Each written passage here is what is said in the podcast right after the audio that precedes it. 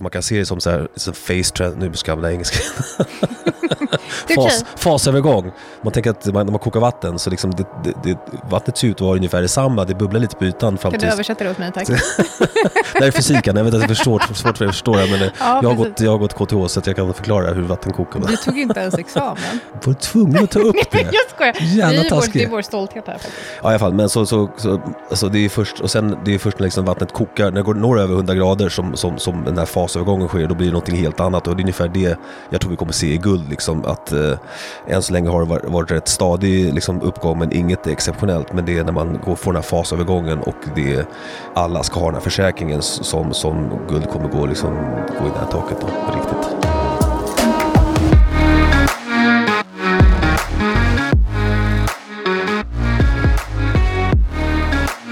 Du lyssnar äntligen med Martin Sandqvist, och eh, Martins chef. eller chefe som vi kallar henne, Precis, vi har El många... Padron. Precis, för jag, jag är så fruktansvärt eh, läskig, ska ni veta, eh, på jobbet. Eh, ibland blir jag arg. Inte så mycket på Martin. Nej, som tur är. Den slipper man. Men eh, ja, nej, det är skönt att höra det skälla ut andra folk. Det, det gillar man. Det är chefigt. Men jag skäller inte så mycket. Jag, jag tycker, nej, jag skäller inte så mycket. Jag är tydlig om saker och ting behöver lösas. Ja, det, är, det måste man vara som vd. Det tycker du inte riktigt om att vara. Nej, så det är därför inte jag är vd. Eh, vi efterfrågade massa frågor till eh, ett stort råvaruavsnitt som vi tänkte oss att vi skulle göra idag. Eh, och vi har fått in en hel del kommentarer. Men innan vi går in på det så ska vi prata om våra absoluta favoritråvaror, alltså som inte är uran. Vi ska prata mer om det också. Eh, men vi ska ju prata lite om guld, för vi har gjort en liten justering i fonden senaste månaden. Och, ehm, så, och vi har kommunicerat ut det här också. Eh, men jag tänkte kanske kul för de som inte läste eller intressant att bara veta hur vi resonerar kring det, både kort och eh, långsiktigt kanske. Vad är det vi har gjort Martin?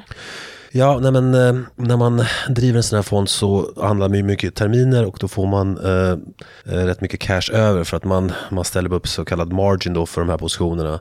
Och eh, då blir det en massa kassa kvar helt enkelt och då är frågan vad man ska göra med den här kassan. Och eh, normalt sett så köper man eh, korta statsskuldväxlar, korta räntepapper för att få lite, lite ränta. Men nu har vi tänkt om lite där och eh, har tänkt att vi lägger den där cashen i riktiga pengar istället. Alltså guld, guld och silver. Och det är ju för att vi har negativa realräntor nu så man får ju en garanterat negativ realkastning om man, om man köper de här växlarna. Eh, så det är bättre att ha det i liksom någonting som skyddar mot inflation då. Som för lite bakgrund då för de som lyssnar på den här podden som kanske inte eh, sitter på en hedgefond eller allokerar kapital och behöver ha en cash management-strategi som det kallas. Frågan om vi behöver översätta det här för en av kommentarerna som vi fick i eh, en av de här kommentarerna som vi fick i den här tråden var att vi skulle sluta med, med svengelskan. Men problemet är att alla de här termerna som vi, som vi säger på engelska, de är så vedertagna i Sverige också så det finns liksom ingen, det finns ingen Nej men vi kör kassamanagerande strategin då. Låter ju jättebra ju. Har du varit i Skövde? Eller?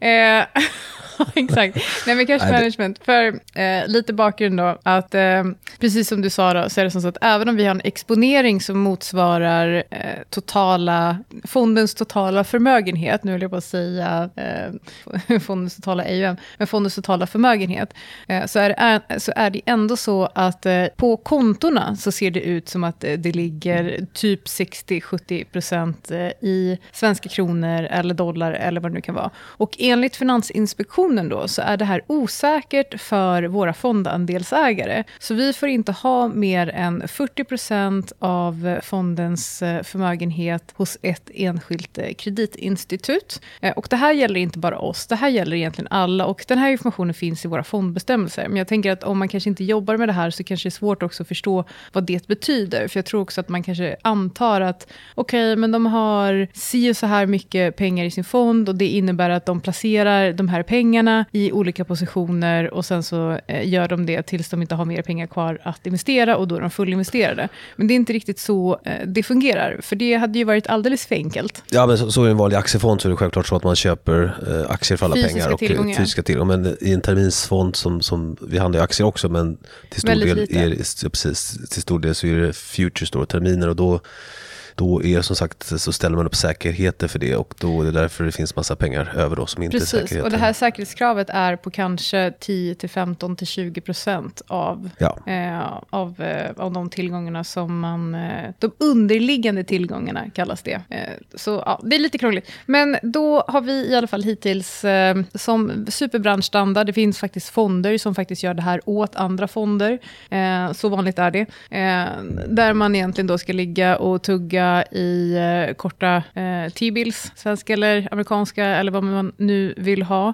Eh, men alla ni som lyssnar på den podden och kanske har följt oss ett tag vet ju att vi tycker inte att fiat är riktiga pengar. Och det slog oss då, för vi har ju massa guld i fonden och så vidare, men det slog oss också för att vi har pratat om att vi skulle så småningom vilja sätta upp en fysisk guldklass. Eh, men varför då inte göra det eh, nu? Så då eh, slog vi våra kloka huvuden ihop. Ja, men vi brukar tänka lika och eh, vi tänkte väl samma tankar där nästan samma, samma eftermiddag där. Och, så att, eh, ja, men det känns, känns, som, känns som rätt strategi. Sen blir det lite mer korrelation till guld än vad vi har idag och eh, lite mer volatilitet. Men eh, eh, vi tycker att det är, vi tror väl att det kommer vara värt det i framtiden. Så att, eh, ja, en liten detalj bara. Men, en liten detalj, nej fast det är en stor detalj. Ja, För det är ändå eh, eh, målsättningen att det ska vara 30% av fondens förmögenhet. Så det är en, eh, en betydande detalj ja, precis. ändå. Eh, och när vi är inne på det spåret så kan vi bara d- prata lite om det här med guld också. Vi har pratat om det som inflationshedge och det är ju självklart, alltså det är inte en perfekt hedge men det är liksom det bästa sättet att, att skydda sig mot mot inflation, den här inflationsskatten. Och, eh, men det vi inte pratar så mycket om det är ju guld som, som försäkring mot motpartsrisk. Och liksom, eh, det är det som inte riktigt är inprisat i guld, gulden. Vi har ju, guld har ju liksom följt inflationen rätt väl och tickar på med runt så 10% per år som är kanske är den riktiga inflationstakten eh, beroende på vilken valuta man tittar på. Så, så, så det är väl bra. Och eh, om man tittar ännu längre så har ju guld varit fantastiskt. Så, så, så på 100 år så har ju guld gått upp 10 000%.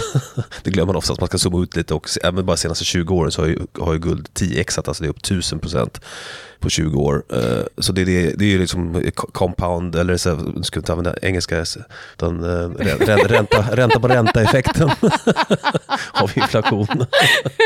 Sorry. Ja, du får prata engelska om du vill Martin. Jag, Det är jag svårt. förstår inte vad Det du är säger annars. svårt att hålla sig. Alltså. Det, ja, nej, men jag ska försöka. Jag förstår att det är lite irriterande. Men, eh, Eh, men i alla fall det där med, med liksom motpartsrisk. Alltså, guld är den enda finansiella tillgång som inte har någon motpartsrisk. Eh, om man äger den fysiskt då. Och det gör den ju rätt unik. Liksom, för att det, om, man, om man ser den här, liksom, hela den här kris, fiat-valuta-krisen som vi har varit i nu sen, liksom, egentligen som började med techkraschen 2000.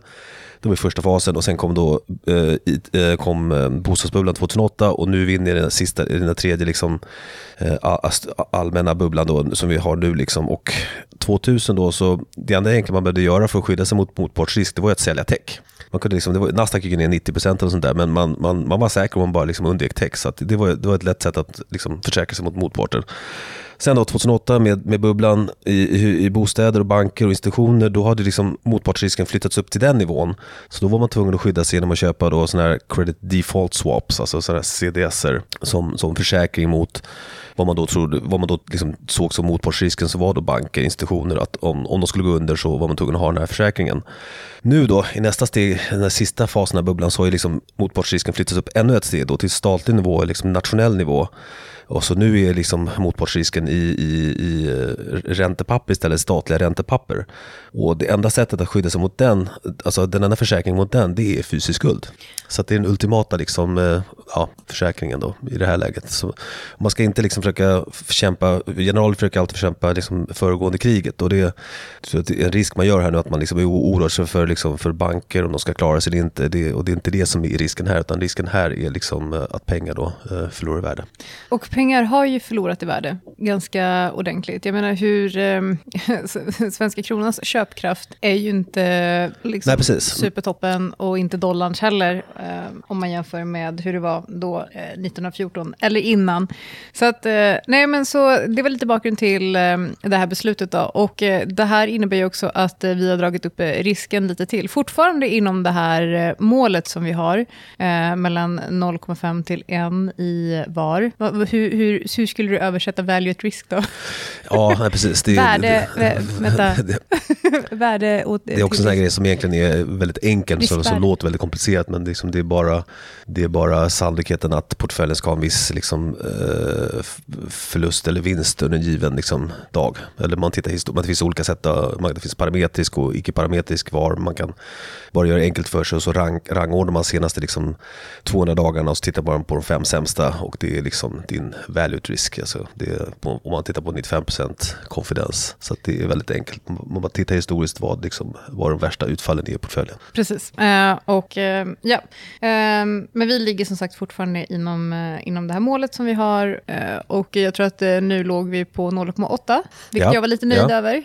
För att eh, vi har försökt få upp den risken. Det är alltid svårt för risken. Vi, vi är alltid lite försiktiga. Och sen är också att strategierna är rätt okorrelerade. Så att det, det, även fast man ökar på en strategi så, så, så, så, blir det svårt på något sätt att få upp risken. Men det, Guldet eh, hjälpte oss lite med det. Ja, det hjälpte oss lite, precis. Men också just, just det med, liksom, som du sa, har ju, så har ju guldet tickat på liksom, och skyddat mot inflation. Men det som inte ännu finns inprisat i, i guldpriset, det var det jag ville komma till, det, var ju det, här, det är det här med den här motpartsrisken. För det, folk har ju ännu inte liksom förstått det Folk har inte köpt försäkringen. Det var ju samma sak 2006, 2007 när man började se bostadsbubblan där och eh, de här eh, credit default swapparna de gick ner i värde initialt. Så det, var ju, det tog ju liksom till att det verkligen brackade då tills, de, tills man fick payoff. Eh, de gjorde en film om det här, The Big Short också, som när de fick liksom jättebra liksom avkastning på de här eh, CDS i slutändan. Då. Och i dagsläget så är vi liksom i den fasen, 2006-2007-fasen, när, när folk fortfarande inte har prisat in den här motpartsrisken i guldpriset. Och det, det är när den kommer in i, liksom, i ekvationen som, som det, det, det är riktigt liksom stökiga börjar hända. För man kan se det som så här, som face trend, nu ska jag använda engelska. Fas, fasövergång. Man tänker att man, när man kokar vatten så liksom det, det, det, vattnet ser ut att vara ungefär detsamma, det bubblar lite på ytan. Fram kan du översätta det åt mig tack?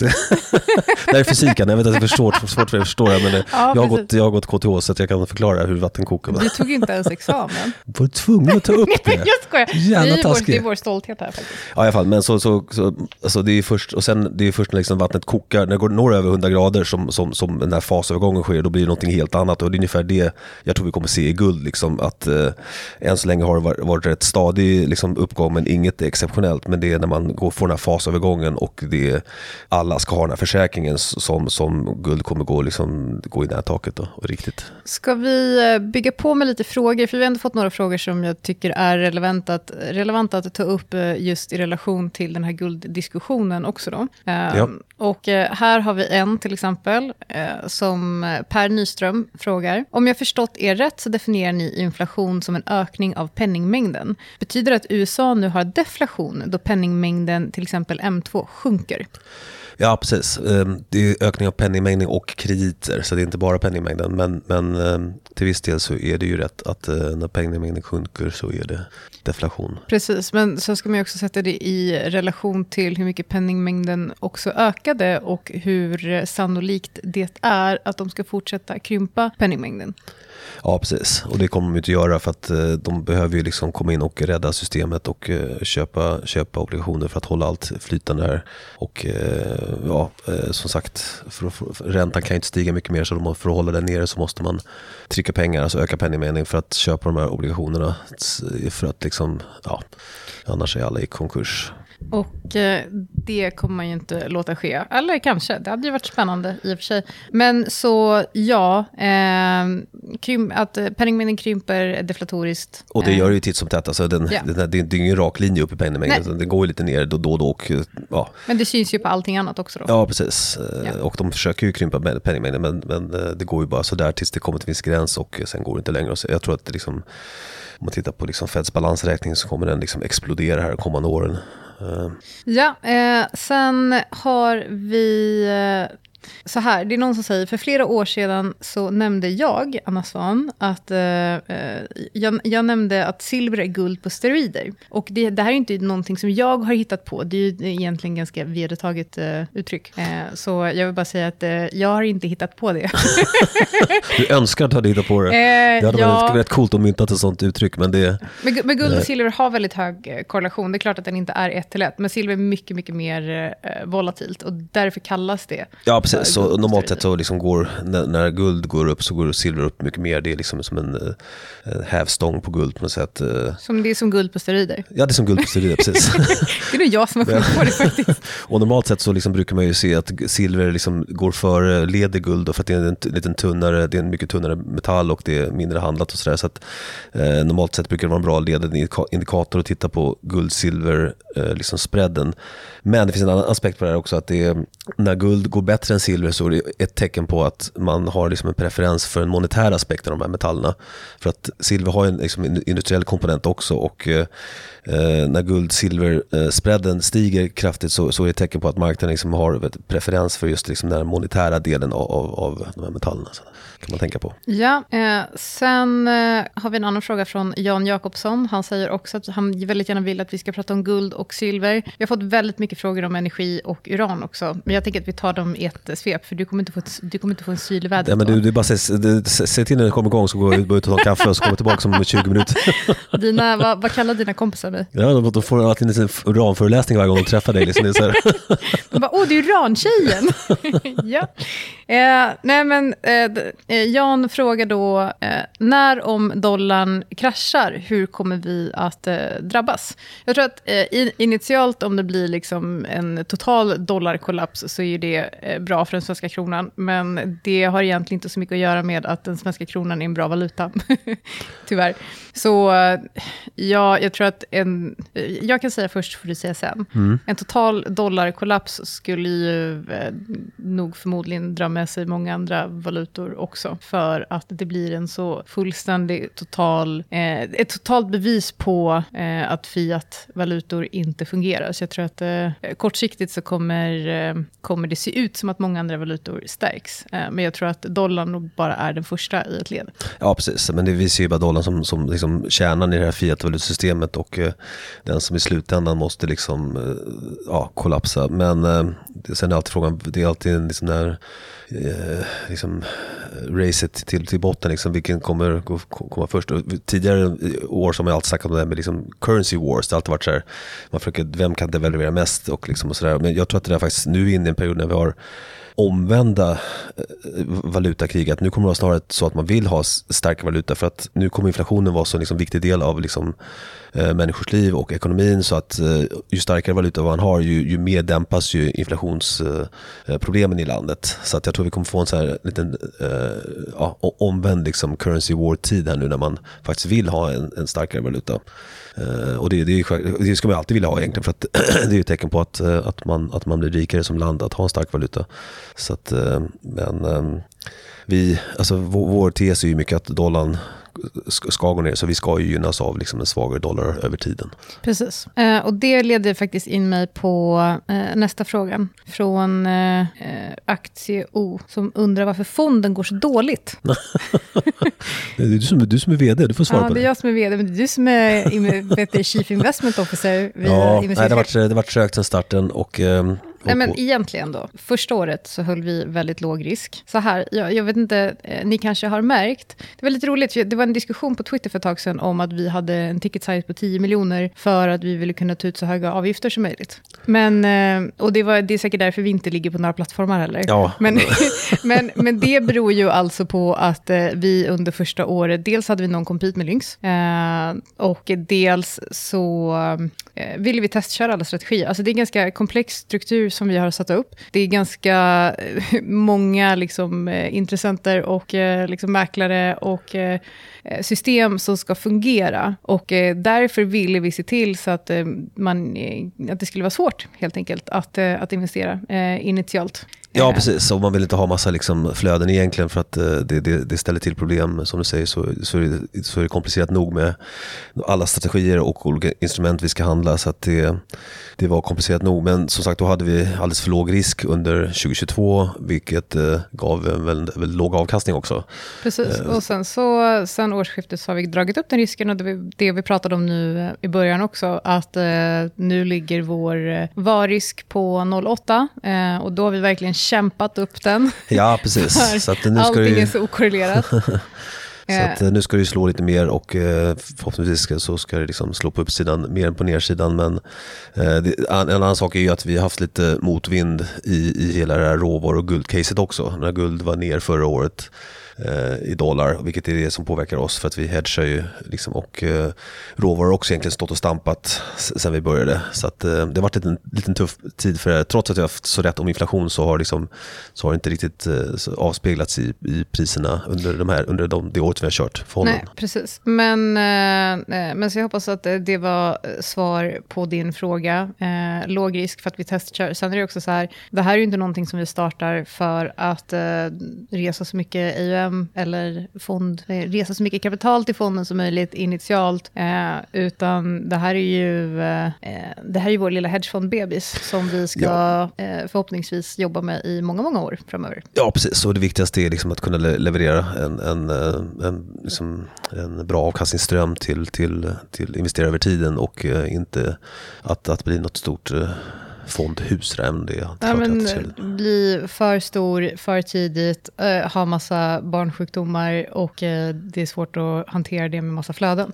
Vill vi undvika? Ja, precis. Ja. Um, en annan fråga, inte relaterad till det. Uh, potentiell vete short squeeze, blir den kommande skörden tillräcklig för marknaden att hålla priserna nere? Oj, det nere? låter som en annan fråga. jag, jag kanske bad om... Liksom, ska, ska, ska jag gå ut nu i 20 minuter? nej, men vi, har inte börjat snacka om Iran Martin. Eh, nej, men så här, eh, vetepriserna är, eh, jag skulle säga artificiellt låga. Det är ju fortfarande helt bisarrt att eh, priset på vete är lägre idag än vad det var innan Ryssland invaderade Ukraina. Jag tror att det här är tillfälligt. Eh, man vet ju också att vete är ju en av de råvarorna som är liksom kända för att vara liksom extra volatila. Eh, jag tycker att det är ett rätt bra läge att köpa här. Vi har dragit upp eh, sizen i min grains, antilops eh, grains eh, Nu låter det mycket svengelska här, sizen i grainsen. eh, vi har ökat positionsstorlekarna i bland annat vete. I spannmålsavdelningen. spannmålsavdelningen. jag hoppas att John Skogman lyssnar på det här så att han eh, ja, fatt, faktiskt ja, fattar. Det, vi gör det på svenska, ja. i princip bara för, för hans skull. Eh, nej men, eh, jättebra fråga. Alltså grejen är att jag tror att det här är ett bra läge, eh, men jag ser ju också, när jag, när jag tittar på eh, jordbruksråvaror, eh, spannmål, så tittar jag, eh, så har jag en horisont på 5-10 liksom, år. Eh, och jag tror att eh, vete om, i slutet på 20-talet kommer vara mycket dyrare än vad det är idag. sen om det liksom finns ytterligare nedsida på 10-15% härifrån, kanske, jag tror inte det. Men ehm, men ja, jag tycker också att vete ser väldigt billigt ut. Ja, och sen, alltså, råvaror generellt, vete framförallt, men även liksom andra råvaror är väldigt volatila och har liksom, det är inte som att köpa aktier, att det tickar på och tickar på. Och så där, utan det är, liksom, det är väldigt stökiga perioder med mycket volatilitet och sen kanske så, så går priset upp 100% på ett par månader helt plötsligt och så liksom står man där och stampar ett tag. Så det, det, är en, det är en svår eh, marknad att handla, eh, eller väldigt svår skulle jag säga. Men, ja. men det, vi, hur har vi löst det då? Vi, för vi har fått lite frågor om eh, eh roll yield rullning. Översätt den till svenska, så den är inte rolig. Uh, backwardation och contango. uh, Rulla, rullavkastning. rullavkastning. Nej, men nu får vi, nu får vi skärpa till oss lite. Uh, nej, men jag handlar ju väldigt långt ut på kurvan om det är hög backwardation i, i råvarorna ja, som jag handlar. Med kurva så menar du terminskurva i de här råvaror priserna för var, varje råvara, eller det handlas ju terminskontrakt i olika månader och som har olika förfall, olika längd och ju längre, längre ut i tiden man går så... Kan de, vara, och de, de kan vara antingen dyrare eller billigare. Och eh, det man tittar på det är, man jämför terminspriset med spotpriset och spotpriset är egentligen bara det pris som är på det närmast rullande kontrakt, det som är närmast sista handelsdag. Eh, så eh, där är ju naturgas ett eh, kul exempel. För där är det väldigt hög kontango. Det betyder att priserna på terminskontrakt långt ut på kurvan är mycket högre. Och det innebär att du betalar en rullningskostnad kan man säga. Så säg att, nu såg jag att du likt, likt mig köpte julikontrakt mm. i, idag. Ehm, och det är egentligen, egentligen i vanliga fall, hade det här varit, hade det här varit någon annan råvara så handlar jag ofta ofta långt ut på kurvan. För att när det är backwardation, och det innebär att spotpriset är högre än eh, terminspriset. Så säg att jag ska köpa vete då till exempel. Nu vet jag inte exakt vilket vetekontrakt jag har, eh, för det är olika på alla. Det skulle kunna vara liksom eh, december 2023 eller mars mm. 2024. Nå något i den stilen. Så jag handlar så långt ut jag kan. Det är tillräckligt bra priser och tillräckligt hög likviditet för att vi skulle kunna göra den här typen av transaktioner även när vi är hundra gånger så stora. Så det är alltid en del att titta på. Men det som det som blir intressant när man kan handla roll yield då, är att eh, jag kan, om jag handlar långt ut på kurvan och det är mycket backwardation, om det är hög volatilitet i en råvara, som till exempel vete, om priset faller kraftigt i spotpriset, så faller det inte alls lika mycket eh, i det terminskontraktet som jag handlar då, för att det finns inte lika mycket fallhöjd. Nej, men precis. om priset man, stiger så... Ja, sorry att jag var bröt. Men, Nej, jag eh, tänkte bara säga att volatiliteten är ofta, inte alltid, men ofta mycket högre på uppsida än nedsida om det är backwardation. Och det är för att eh, terminskontrakten har liksom en bit att eh, ta sig upp då. Ja, precis. Man kan säga att man har en liten kudde där egentligen i form av ett par procent oftast. Eh, som som ja, dels skyddar lite mot volatiliteten men också ger en liten, liten avkastning. Om, om, om ingenting händer i spotpriset och allt står helt stilla så får man de där procenten då. Eh, så att, eh, och det är som du sa så är det en effekt av att, att eh, att eh, folk som betalar, betalar en premie för att få en, en, en råvara levererad närmare i tid då helt enkelt. Så det kan man utnyttja. Men det är som du säger, man måste ställa det mot likviditeten och eh, möjligheten att komma ur sina positioner och sådär utan något problem. Och, Eh, Eh, så att större fonder har ju svårt att handla liksom de där kontrakten längre ut, men vi kan göra det som lite mindre. Då. Precis, men jag, det, det, finns, det hade gått att handla ännu längre ut med vår storlek, men eh, jag vill inte handla längre ut än vad vi eh, skulle kunna göra sen, är min tanke med det hela. Men så, så mm, man har pratat om att ibland är det strukturell backwardation, ibland är det strukturell contango. Så igen då, contango, högre terminspris än spotpris, vilket innebär att när din termin förfaller faller och du behöver rulla, därför kallas det för rullningskostnad, och du behöver, det kallas för att du rullar det här kontraktet då. Då säljer du det kontrakt som förfaller och så köper du nästa kontrakt. Eh, och eh, om, det då är, om nästa kontrakt är lite dyrare, då har du förlorat eh, de procenten eh, som Eh, ja, så mycket dyrare som nästa kontrakt är än det som du det hade innan. Lite commodities 101 eh, här med Anna Svan. eh, ja, så det var en liten, eh, en liten skola. Men anledningen till att jag gör det då är för att jag eh, letar egentligen alltid sätt att eh, managera min, eh, min risk just eftersom att råvaror är så volatila så har det varit ett bra sätt för mig att hantera det i grains-delen. sorry? Ja, och vi, liksom, vi är ju oftast alltså långa och eh, då är det liksom bättre, då bättre att försöka utnyttja de här, de här procenten man kan få om man lägger sig lite längre ut då, helt enkelt. Precis. Det är skillnad om man ska gå kort då, då är det tvärtom. Då. Men, ja. ja. Eh, men ska vi kanske runda av lite med uran? Det ser ut ja, som att du håller på att resa dig på bordet. det var någon som jag är tillbaka till skärmen. det var någon som skrev att jag hade hållit dem på halster alldeles för länge. Med uranet? Ja, ja. pratar inte jag alltid om uran? Det känns så.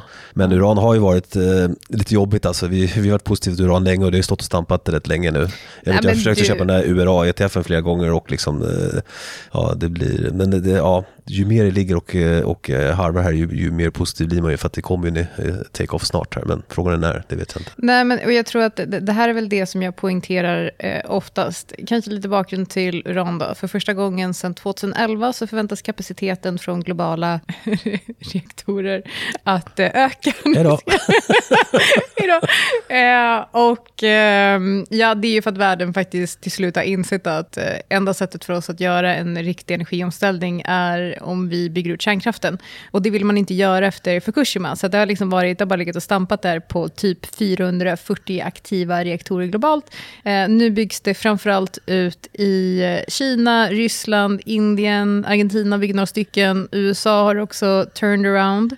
Eh, så att kapaciteten förväntas öka med eh, ganska många procent. Samtidigt så var senaste eh, året en eh, urangruva eh, Eh, öppnades eller startades var år 2007. Eh, och det beror delvis då på att eh, priset på uran egentligen har fallit kraftigt sedan 2011. Eh, egentligen sedan en peak 2007. Eh, så jag menar, vi är fortfarande långt ifrån den piken i pris. Men sen så har man ju också fram tills ganska nyligen använt sig av restbränsle från gamla kärnvapen efter nedrustningen efter kalla kriget. Och nu är det här, nu är det här bränslet slut och då behöver man mer. Eh, men så fram tills eh, ja, men ett par år sedan då så har man eh, producerat 74-75% av den globala efterfrågan på uran.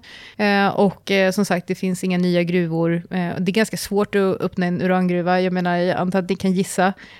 det är en sån här klassiker som man pratar om om man ska börja mina metaller. Så tar det, liksom, det tar ett par decennier innan du faktiskt kan öppna upp gruvan och faktiskt, göra, faktiskt gräva upp någonting ur den. Så gissa hur lång tid det tar med uran då, med alla godkännanden du behöver för att göra det. Ja, jag vet, jag har investerat själv i liksom guldgruvor och en, en, en gruva tror vi kan... Förvånad jag blir. en, en gruva som vi tror kan börja, börja vi, vi, tror att den kan börja byggas typ så 2025, 26 och kanske liksom börja producera någonstans 2030. Liksom. Så det, ja, det är långa ledtider. Ja, ehm, ja exakt. Så att, eh, nej men det finns egentligen inget, eh, det finns inget eh, negativt kris för uran, utan det ser bara ljusare och ljusare ut. Eh, man bygger ut de här reaktorerna, som sagt, jag tror att man bygger 80 stycken just nu, sen så ligger det ett par hundra på kö ehm, för att byggas också. Så jag menar den här kapaciteten kommer ju eh, nog ha fördubblats eh, inom 20 år. Och så ska man då också se till så att man kan fylla dem med bränsle, så att man faktiskt kan producera någon energi. Och då kanske ni undrar, Eh, men hur, hur stor uppsida finns det då? För att är det inte så att man är priskänslig då för uranet, om det nu hela poängen är att man vill ha billig ren energi? Och inköpet av eh, uran för kärnkraftverk är liksom en så pass liten procentuell andel. Det är nog mindre än en procent av den totala kostnaden att bedriva det här kärnkraftverket. Så att även om priset på uran går flera hundra procent, eh, så gör inte det någon betydande skillnad för kalkylerna för de här kärnkraftverken. Då. Så att uh, jag är ju... Um, Men vad är de stora, de stora kostnaderna? Är det säkerhetskrav och sånt där? Antar ja, liksom, säkerhetskrav, också personal och ja, men, säkerheten och jag menar hela konstruktionen runt omkring den. Bränslet är liksom en ganska liten, mm. liten del av det. Bränsle, jag skulle säga att uranet är deras minsta problem mm. faktiskt. Ja, det då, då finns det liksom eh, då finns det ju ingen riktig liksom, eh, gräns för hur högt priset kan gå. Eller kan ju som du säger gå liksom flera hundra procent innan det märks. Ja men precis. Och vi såg ju en sån här kortsiktig eh, spike 2021 eh, under sommaren. Eh, eller egentligen i september, oktober tror jag var, så gick den från typ 16 dollar upp till 50-60 och sen så har den legat runt 50 eh, sen dess. Och nu tror jag att man väl laddade in för en ny uppgång. Och uran är ju liksom supervolatilt. Så nej men jag är Fan, nu är det någon som ringer. Är det någon som vill höra på uran?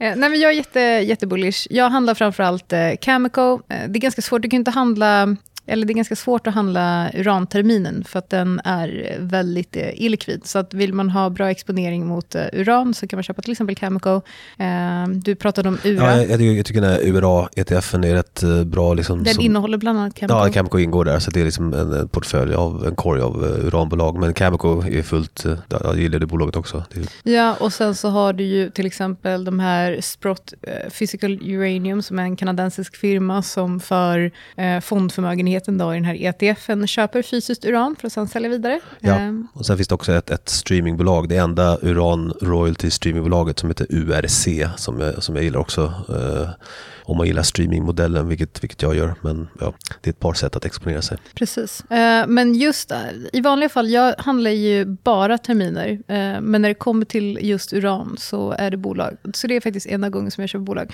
Och Cameco har en beta mot uh, S&P på 0,94 senaste fem åren, så lite lägre volla till och med. Så att ja. där kan du ligga tryggt. Ja, kan man parkera sina pengar. Men det var ingen eh, rekommendation. Nej. Nej. Men okej, okay, ska vi runda av det då? Innan ja. jag fullständigt... Ja, innan eh, du spår ut totalt. Eh, ja. Men eh, jag måste bara nämna ett citat som jag tyckte var så jäkla kul. Jag hörde det i en podd häromdagen och eh, apropå det här med liksom att centralbanker har, har köpt så mycket guld. Liksom, det, det är lite märkligt tycker man. Men han sa just det att det är liksom, pyromanerna det är de första som luktar rök. Och det stämmer så, så väl. Liksom. Det, är, det är de själva som har skapat all inflation. Och de inser vart att det här håller på barkar så därför köper man, det är de som är de första som köper försäkringen. Liksom. Så slutsatsen är, ja, men okej, om vi ska runda av det då så kan vi säga att eh, den här real cash-positionen som vi kallar den för i fonden kommer ju leda till lite högre volla, lite högre korrelation mot guldet, men absolut eh, inte, eh, inte alls eh, lika hög volla som guld och silver.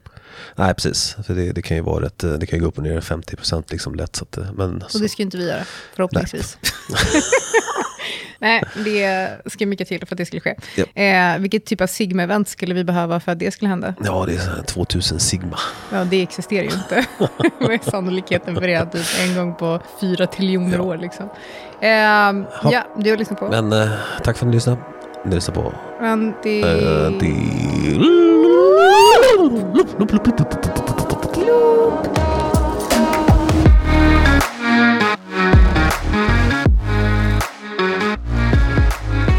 på att ingenting du har hört i den här podden är någon rekommendation att köpa eller sälja finansiella instrument. Alla investeringar är förknippade med risk och eh, du kan förlora stora delar eller hela ditt kapital eller till och med mer om du är riktigt dum och använder belåning. Vi försöker underhålla och utbilda och vi använder källor som vi tycker är tillförlitliga, men eh, vi kan inte garantera äktheten eller riktigheten i, i någonting av det vi pratar om. Och för guds skull, gör din egen analys. I can't stress this enough. Eh, Och det är never dina go pengar. all in. Nej, och det är dina pengar, eh, ditt ansvar.